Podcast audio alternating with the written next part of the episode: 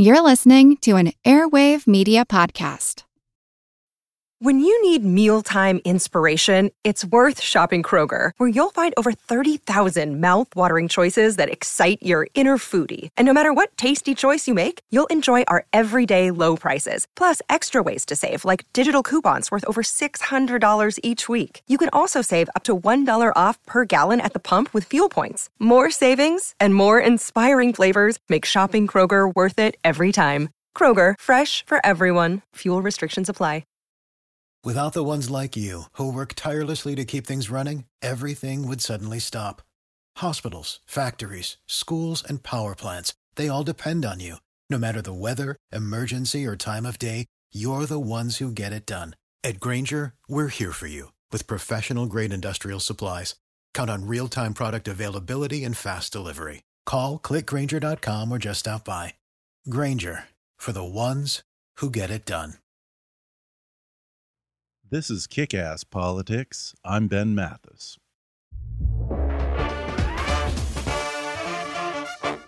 Hi there, folks. Ben Mathis with two quick announcements. It's been about a year since I started Kick Ass Politics, and this episode is officially my 50th episode.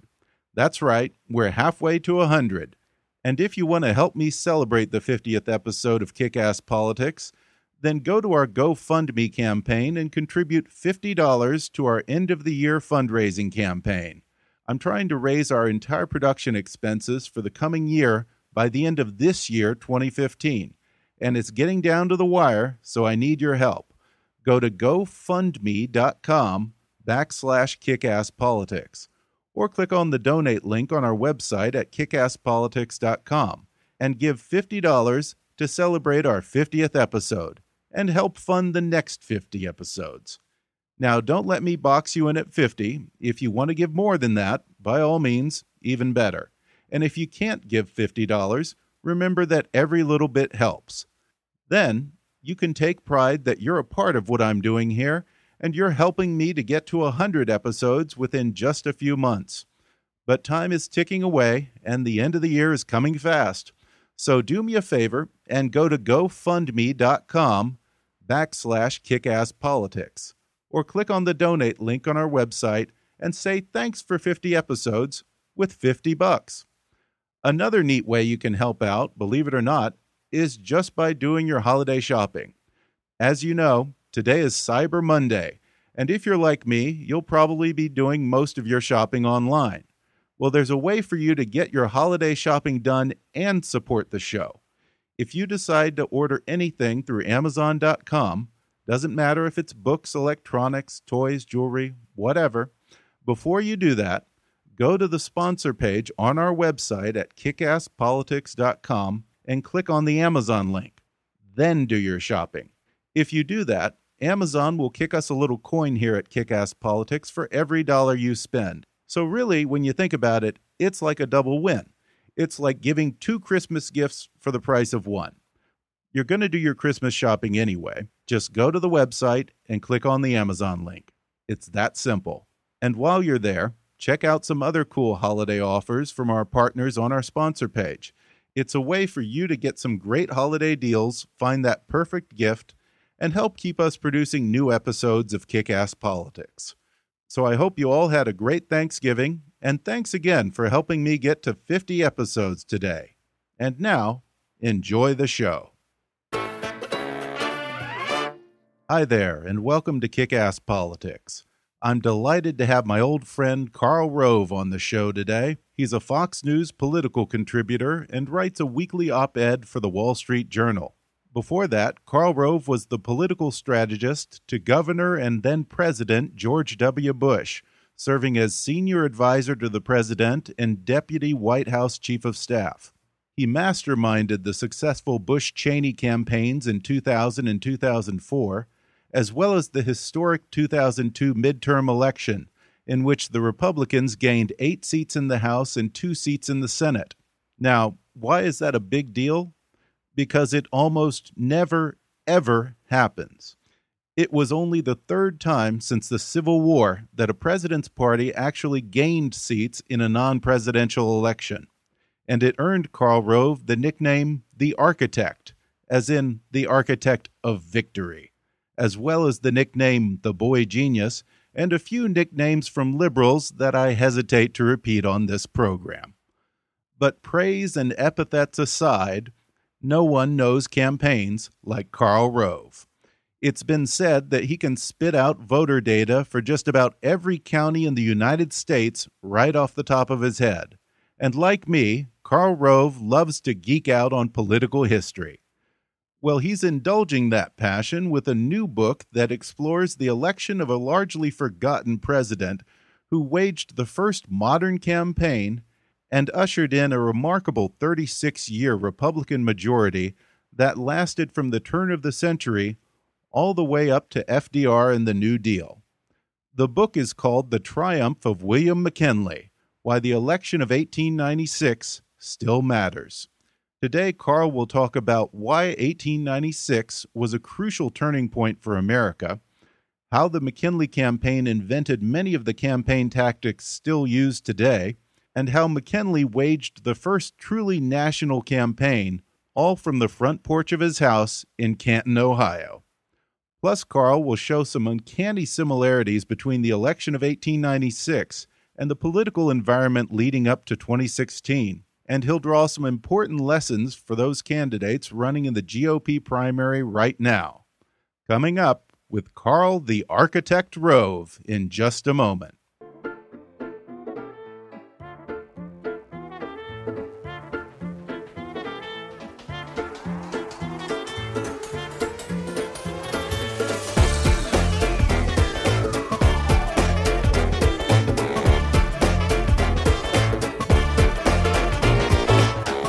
Hollywood to Washington, it's time for Kick Ass Politics.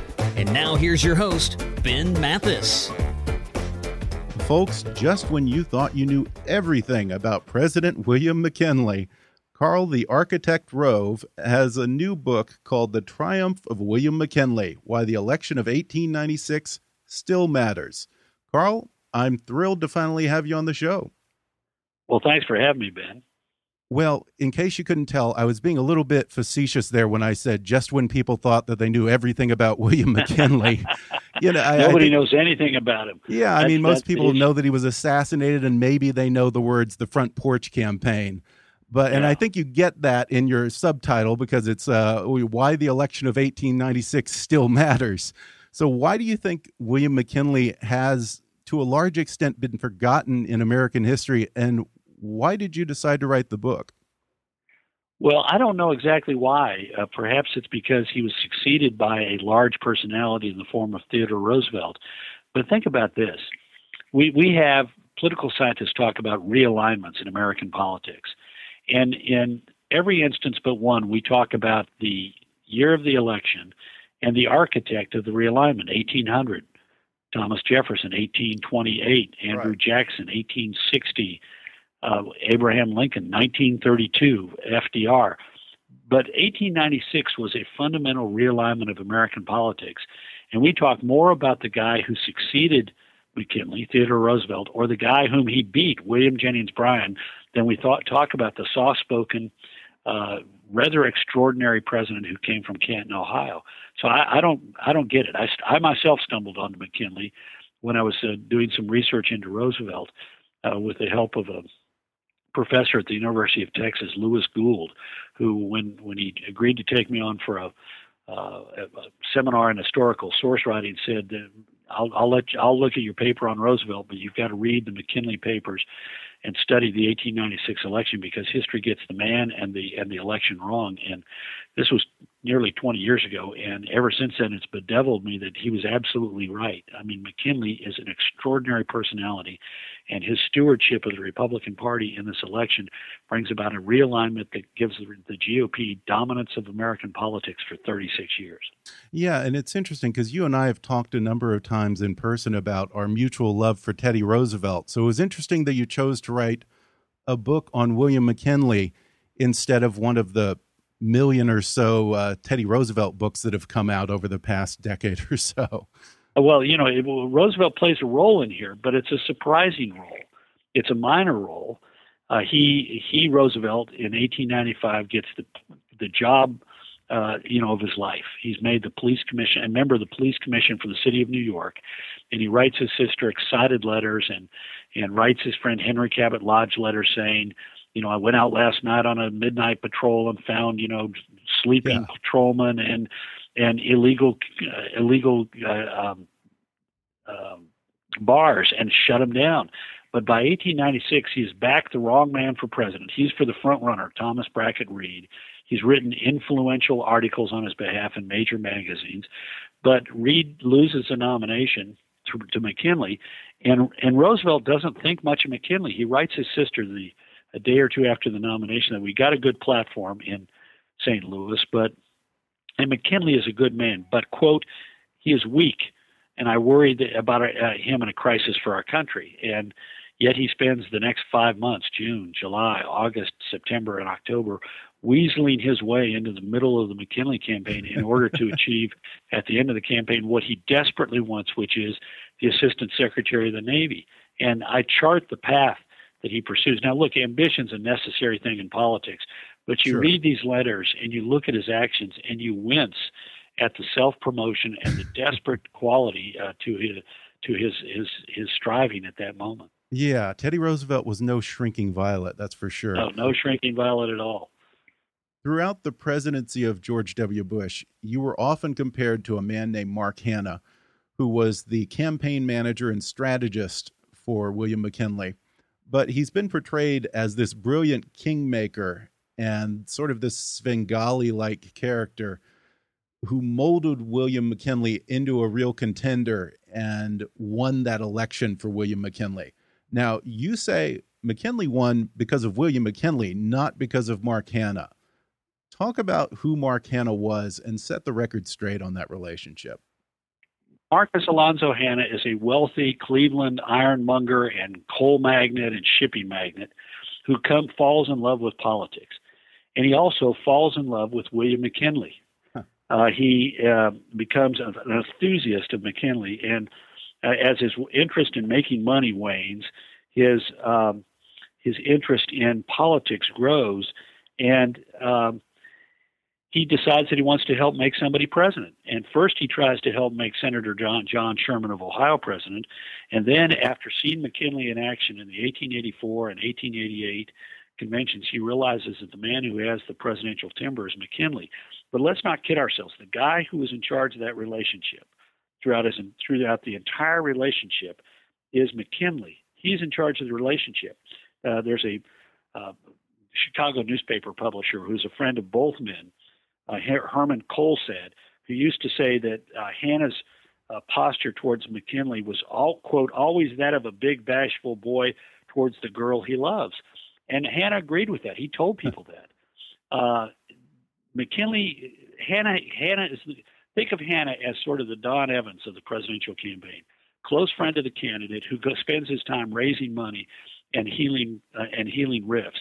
But the great strategic thinker in the campaign is McKinley, who makes the three big decisions that need to be made, despite the fact that Hanna, on each and every one of them, was on the other side. He makes a decision in the summer of 1895 that he's not going to cut a deal with the Republican political bosses led by the easy boss, Thomas Collier Platt of New York and Matthew S. Quay.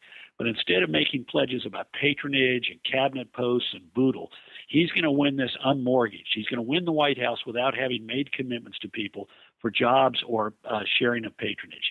He's going to try and win them to his side by advocating an agenda for the country and by his personal friendship and, and integrity.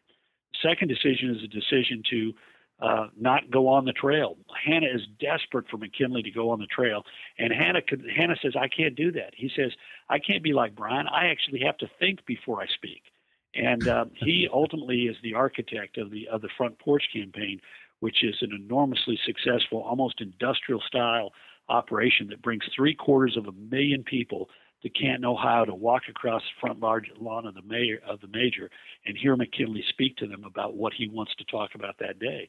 The final one is that the critical decision in the campaign in the fall, in the late summer and fall, is whether or not uh, McKinley is going to address the free silver issue that has now been raised by Bryan. He initially, in June and July and August, early August, wants to avoid it. He keeps telling people the issue is going to be protection. Don't worry about this free silver thing, it's going to go away. But by the middle of August, he decides that he has to confront the issue, and he begins to do so when he accepts the Republican nomination form, in a formal address in Canton in August. And from then on, stumbles for a couple of weeks in talking about the issue, but finally comes on to the right language. And it is only then that the Republicans begin to sense movement among, you know, supporters who have drifted away because of the free silver issue. And in each and every instance, the, the, the, in a moment of great crisis, the guy who makes the decision, and oftentimes with Hanna saying, "Don't do that, do this, do something else," the guy who makes the right decision is McKinley. The final issue, though, is this: we think of him as the manager, but I charted his mm-hmm. travels. Remember, this is an era where there's not good telephone communications, and you know you can send somebody a wire, but it's not you know yeah. you can't pull them up on your computer and have a you know, uh, you know, FaceTime with them, and you can't pick them up on catch them on their cellular phone as they're on the train between Cleveland and, and New York. And I charted his travel in the 118 days between the times that the Republicans open up a presidential headquarters in Chicago and the general election. In those 118 days, Hanna is on the road out of headquarters 70 out of 118 days, which raises a question: Who was in charge? Who was running it? and it turns out to be a 30 year old punk uh, who ends up, he turns 31 just before the election, who is like McKinley's surrogate son, a bright young lawyer from originally from Ohio, practiced law in Lincoln, Nebraska, moves to Chicago in January of 1895 to become an entrepreneur. And McKinley first puts him in charge of his Illinois primary campaign within weeks of moving to Illinois, and then plucks him out of uh, of that after the uh, after the national convention and says, "I want you to run the headquarters in Chicago." And he's a 30 year old kid named Charles G. Dawes, and he is an extraordinarily gifted individual. Yeah, and what you talk about in the book with Charles Dawes serves as a pretty interesting lesson on getting in there early and building ground game. Because one of the keys to McKinley's victory in the primary was that he was the proverbial early bird who was building substantial organizations in key states before the rest of the candidates had even started their campaigns. Yeah. So, talk about the lessons here on the value of having early well, ground. McKinley game. runs the first modern presidential campaign because he decides it, it, it, before him. What happened is is that candidates, uh, in the phrase of the time, left their fate in the hands of their friends and people would go around and make loose connections, you know, get favorite sons into the race in order to hold a delegation till the convention with the hope that they could cut a deal with them. And instead, McKinley said, I'm going to organize this methodically. This is both he and Hanna. We're going to organize this methodically. It was in both their men's nature. And we're going to identify people who could work the effort for us. And we're not going to cut deals uh, about patronage and boodle because once you start, you can't stop. Instead, we're going to try and run pe- win people to our cause by by personal friendship. And McKinley had a lot of them because he'd been served in the House for a number of years and, and was good at making friends and good at keeping them. But the other thing is is that they, they organized in depth, particularly in the South. In March of 1895, McKinley locks up the South by taking a vacation.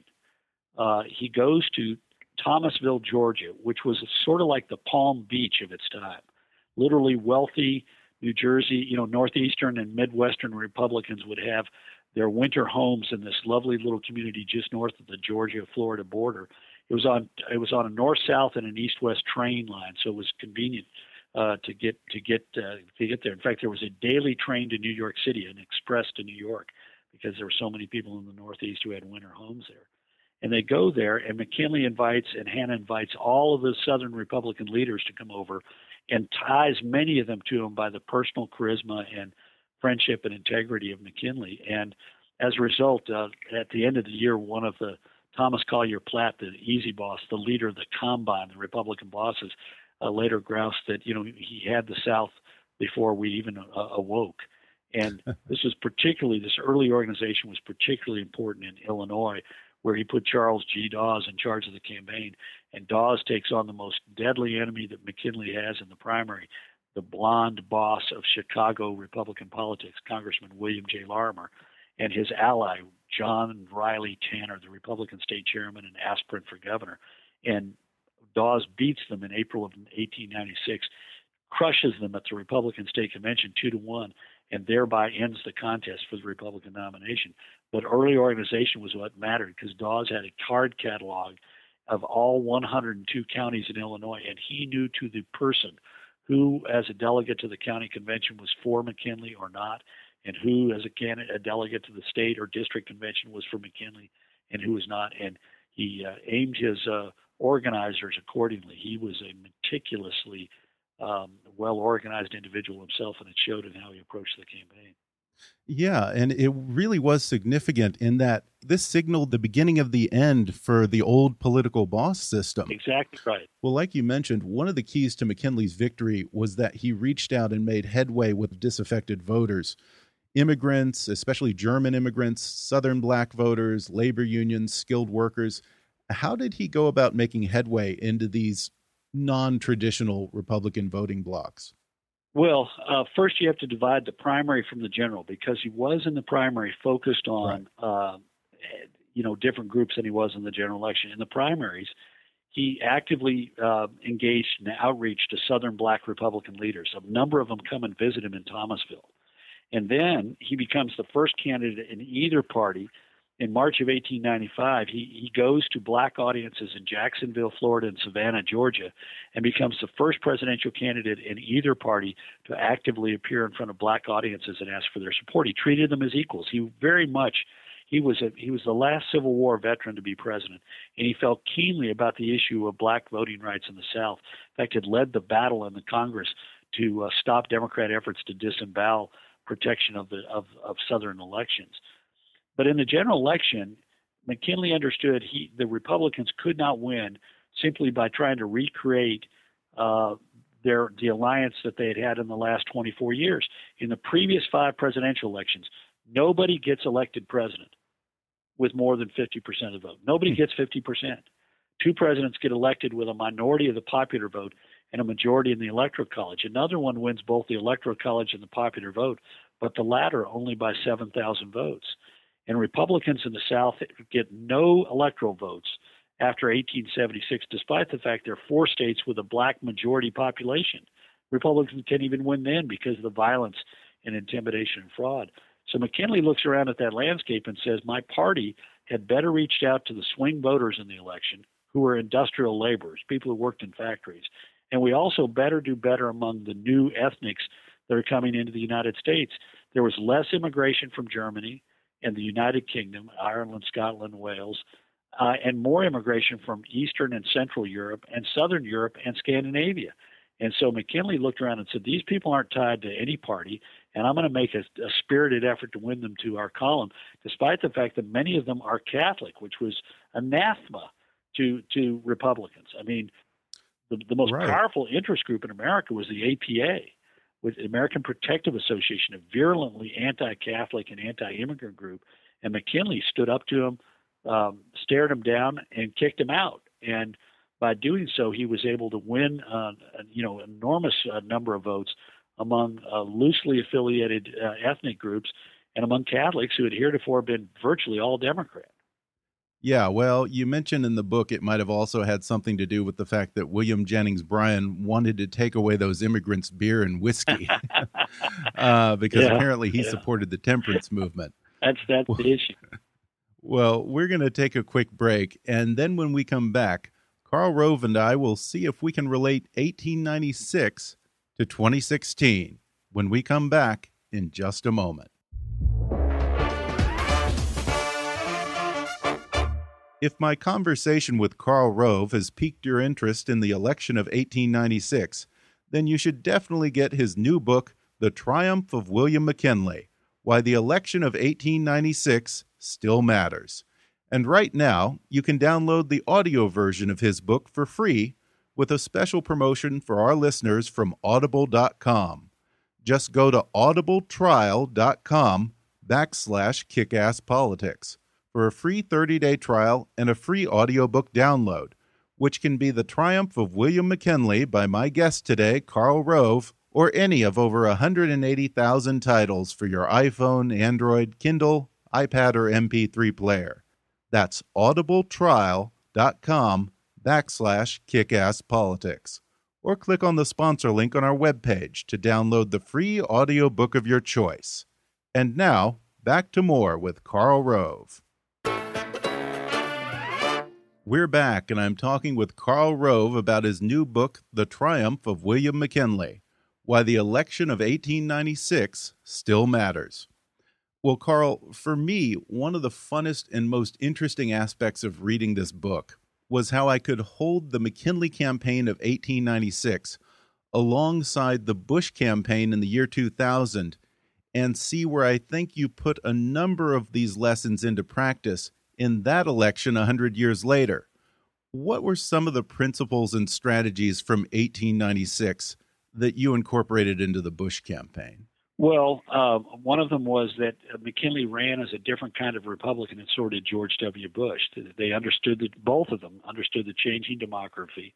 Both of them knew uh, who the, the, the key voter groups, swing voter groups were, and both of them uh, made an affirmative way of talking about things that, that that allowed them to be seen as a different kind of Republican, open to the kind of kind of uh, groups that heretofore might not have felt, felt comfortable. Bush broadened the electoral battlefield just as McKinley did. McKinley went after border and southern states and carried four of the five border states that had not voted for the Republicans since at least 1872, if ever. But Bush wow. went after, you know, states like uh, New Mexico and Arkansas and Tennessee and West Virginia, the most important of which was probably West Virginia since it had gone for Bob Dole, excuse me, for Bill Clinton over Bob Dole by 16 points. And the last time Republicans had won it in an open race for the right. presidency was in 1928. So uh, there, there, were lots of things. You know, we, uh, you know, run as an outsider, run as a candidate of change, emphasize the unity of the country, run as a unifier. You know, uh, focus on big issues uh, with a with a concrete vision in which people, the people that you want to have vote for you, uh, can see themselves having a having a, a, robust part. I mean, there are there are lots of things that we took uh, as lessons from the 1896 campaign. Maybe didn't articulate them as such at the time, but but uh, they're there. Yeah, I mean, you say in the book, uh, you say the animating principle of McKinley's political career was a concern for creating conditions that would allow ordinary people to rise, which sounds a lot like George W. Bush's compassionate conservatism. Yeah, and look, also, admittedly, like Abraham Lincoln, because that was another that was a, that's the original Republican right, who had the, right who had this passionate view that that the, the American experiment was about allowing people who came from nothing, like him, to rise in life. Well, at the end of the book, you sum it all up with eight reasons why McKinley won that election in 1896 what lessons among those eight do you think are most instructive or urgently needed for Republicans running for president in 2016? Well, uh, number three, that you got to you got to recognize the changing demographics and run a campaign that allows you to um, to draw to your draw into the ranks of the Republicans a a variety of people who've heretofore not been uh, in our in our party. Uh, number six, candidate of change. Um, this is really, really important, and you know it's it's really difficult for a political party to win a third term after two terms in the White House. It, it there have been seven instances in the modern era in which the White House has been held for eight years by a party, and only one instance has that party won a third term, and that was 2000, excuse me, 1988. And so to win, you've got to position yourself as as the, the, the candidate of change. And finally, I'd say, I mean, all eight are important, but but since you ask, I think the other one in this instance is after the era of Barack Obama, we really do want a president who could bring us together. One of the great things that, that President Obama had during his 2008 was a sense that he said, I don't want to be the president of red state or blue state, but the United States. And I think that really captured where people wanted to be after the Iraq War. But he did, he hasn't lived up to it. And that, that sentiment that we need a leader who's going to put the best interest of the party above their own personal political considerations and try to drive us together as a country is, is really important. Well, in 1896, the election was driven by sound money and protective tariffs. I'm predicting that those probably will not be the dominant issues in 2016. But what do you think will be the driving issues of the 2016 Well, I election? think the economy and and uh, terrorism will be number one and number two in that order. But there is a lesson to be drawn in, in the in, in from the 1896 election. Some of these things, you're right. The issue of protective tariffs and sound money has gone away.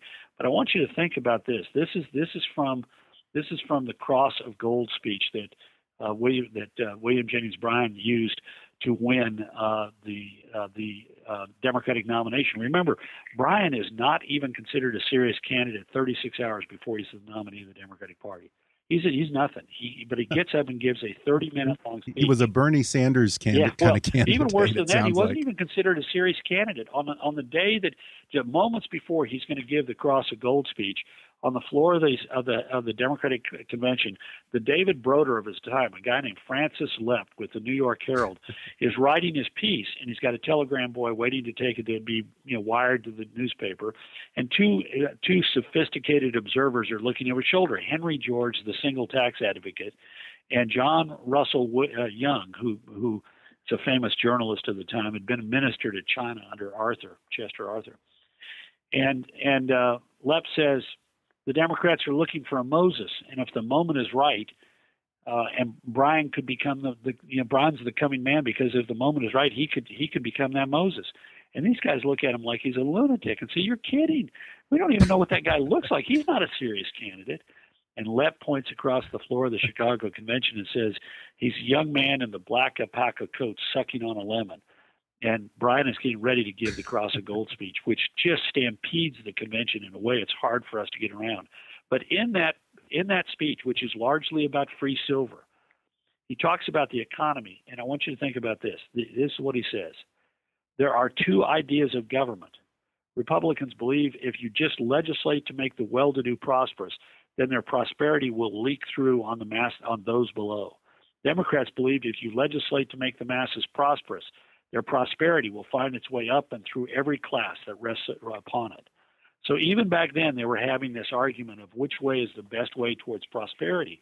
And McKinley wins because he finally understands that he must confront the issue of free silver head on, and he must make an argument about the necessity for a gold based currency that makes sense to working people. And what he basically stumbles on, with the help of a speech by the former head of the American Federation of Labor, Terence Powderly, is that he needs to stop talking about it from a position of business or or the the overall economy, but how it affects the ordinary working man. I mean, he kept thinking about it in terms of we're a developing country and we need European capital to build our factories and open our mines and run our smelters. Instead, he had to say the first dirty deed that a silver dollar would do would be to reduce the value of your wages. Here's a loaf of bread that a dollar of gold will buy here's a loaf of bread that, that a silver dollar will buy because the amount of silver in a silver dollar would have been worth 52 cents rather than a dollar of gold. And so he begins to make the argument this is going to take away the value of your wages. You deserve to be paid the best dollar in the world for the hard work that you put forth. And silver dollars are cheap dollars, and they will take they will eat away your purchasing power, your savings, your investments, you know, your the, the, the insurance policy that you have, the savings you have in the bank the hope that you have for the future of your family. And it's and it's a lesson to Republicans. You can talk about conservative economic ideas, but you better talk about them in a way that middle class voters say that matters to me. Yeah, and that's one of the things that Reagan got exactly too. Right. Well, among those in the GOP field, if you could give this book to one candidate in the GOP primary today, which one do you think uh, would most benefit from some of the lessons? You know, I don't book? know. Some of the candidates already have the ability to do some of these things. Some of the candidates are doing these things, but but I'm I'm I, look. I didn't write this book for this election. I wrote this book to be sort of a durable look inside this campaign, written by somebody who was not only uh, you know had been involved in campaigns, but had a desire to sort of get to the bottom of the thing. And the more I, I dug into this, the more I learned, and the more weird the story got. As as you know, having read it, I mean, there's sex, there's violence, there's backstabbing, betrayal, ambition, courage, unbelievable cash, uh, compassion. The the bravery, the personal bravery of William McKinley is just jaw dropping, and really cool nicknames. I mean, everybody has a cool nickname, a, a thing that we need to bring back. So I didn't write it to basically say this is about 2016, but there are lessons in it. That's for sure. Yeah, they called McKinley the, the major. major. from his Civil well, he, War he, days. That right? was his third yeah. battlefield promotion. He entered at the age of 18 as a private, ended the war at the age of 22 as a major. And it's interesting. He was a congressman, he was a governor, and he was president. And the title he preferred above all others was the major. He said about the others, I don't know about those, but I know I earned that one. well, while we're on the subject of names, uh, when President Obama decided to rename Mount McKinley in Alaska earlier this year, Were you a little ticked off? Well, first of all, I thought it was interesting. You'd think he'd show more gratitude towards the man who made it possible for him to be president. After so? all, William McKinley is the man who annexed Hawaii. And absent that, That's uh, right. you know, Barack Obama, born in Honolulu, Hawaii, would not have been po- possible for him to be president. But look, I, I, I disagreed with it. Obviously, uh, it, it would have been it would have been something if he had if he had found some way to honor the 25th president of the United States at the same time that he was uh, renaming the mountain for for the benefit of a small Native peoples tribe in, in Alaska. I understand the importance to them, but I also understand that it would have been a gracious and a big thing for President uh, Obama to recognize. I mean, that, for example, one of the most incredible things to me is how devoted McKinley was to the cause of black voting rights and black political rights. In yeah. 1890, or excuse me, 1865, his first political act is to help campaign for the passage of a uh, constitutional amendment in Ohio uh, guaranteeing and protecting black voting rights, which goes down 45-55, and he's he is deeply disturbed by the failure of fellow, his fellow Ohioans to, to to pass this measure, for which he gave four and a half years of his life in the Civil War to uh, to, to to bring about. So you would have thought it, you would have thought uh, President Obama would have said the stalwart defender of, of black voting rights, who had great personal peril, took to the floor of the House of Representatives to to uh, campaign for it and help make it an issue in the North that he would have honored him in some appropriate way.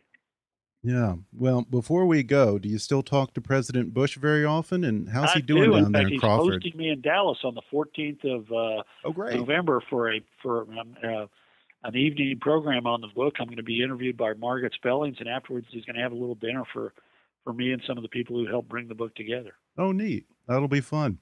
Well, the book is The Triumph of William McKinley Why the Election of 1896 Still Matters by Karl Rove. And I'll tell you, Karl, I read this in one sitting, and it's as good as anything I've read by Doris Kearns Goodwin or David McCullough. And that's high praise because I really, really love both of those authors. It is the best historical nonfiction this year, in my opinion. And I'll even go on record right now as saying if you don't win a Pulitzer Prize for this book, then you will have gotten cheated for entirely political reasons. Oh, well, Archie nice. I, I doubt it will be, but I really enjoyed it. So I'm glad you enjoyed it too. Karl, thanks so much for coming on the show and talking to me about William McKinley. Thanks, Ben. Thanks again to Karl Rove for coming on the show to talk about his new book, The Triumph of William McKinley. And you can order it on Amazon. I'll include a link in the show notes for this episode, as well as on our website at kickasspolitics.com. And it's also available as an audiobook, which you can get for free through that special trial offer just for our listeners by going to audibletrial.com backslash kickasspolitics. Definitely go get it. You can follow Karl Rove at rove.com or on Twitter at, at Karl Rove. You can also read his latest op eds every week in the Wall Street Journal. Don't forget, before you do your online holiday shopping this week, go to our sponsor page at kickasspolitics.com and make sure that you click on the Amazon link on that page before you start ordering. Then Amazon will give us a little something to support the show for every dollar that you spend at Amazon this Christmas. You're going to shop for gifts anyway, so why not help the show at the same time? And help us reach our end of the year fundraising goal by donating to our GoFundMe campaign at gofundme.com backslash kickasspolitics. It's really important that we fully fund our production expenses for the next year, so I can put my energies toward great new guests, interesting topics, and producing new episodes. Whatever you give is going to help us get there, so go to gofundme.com backslash kickasspolitics. I will forever be in your debt, sir. Follow us on Twitter at, at KAPolitics or visit Kickass Politics on Facebook. And as always, I welcome your comments and suggestions at comments at kickasspolitics.com. In the next episode, I'll talk with Garry Kasparov. He spent 20 years as the number one ranked chess player in the world, and he's widely considered to be the greatest chess master of all time. But in 2005, he set aside his chessboard to take up the cause for democracy in his native country of Russia Over the past 10 years, Garry Kasparov has become Vladimir Putin's harshest and most high profile critic, and the de facto leader of the opposition movement against Putin.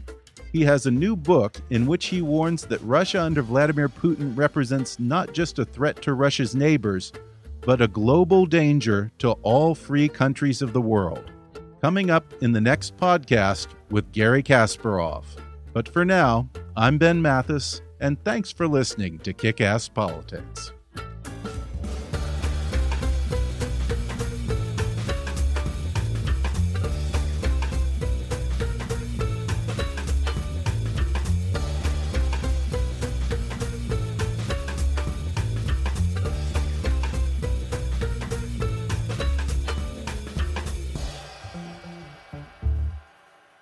This podcast may not be reproduced without express written permission. Kick Ass Politics is a trademark of Mathis Entertainment, Inc.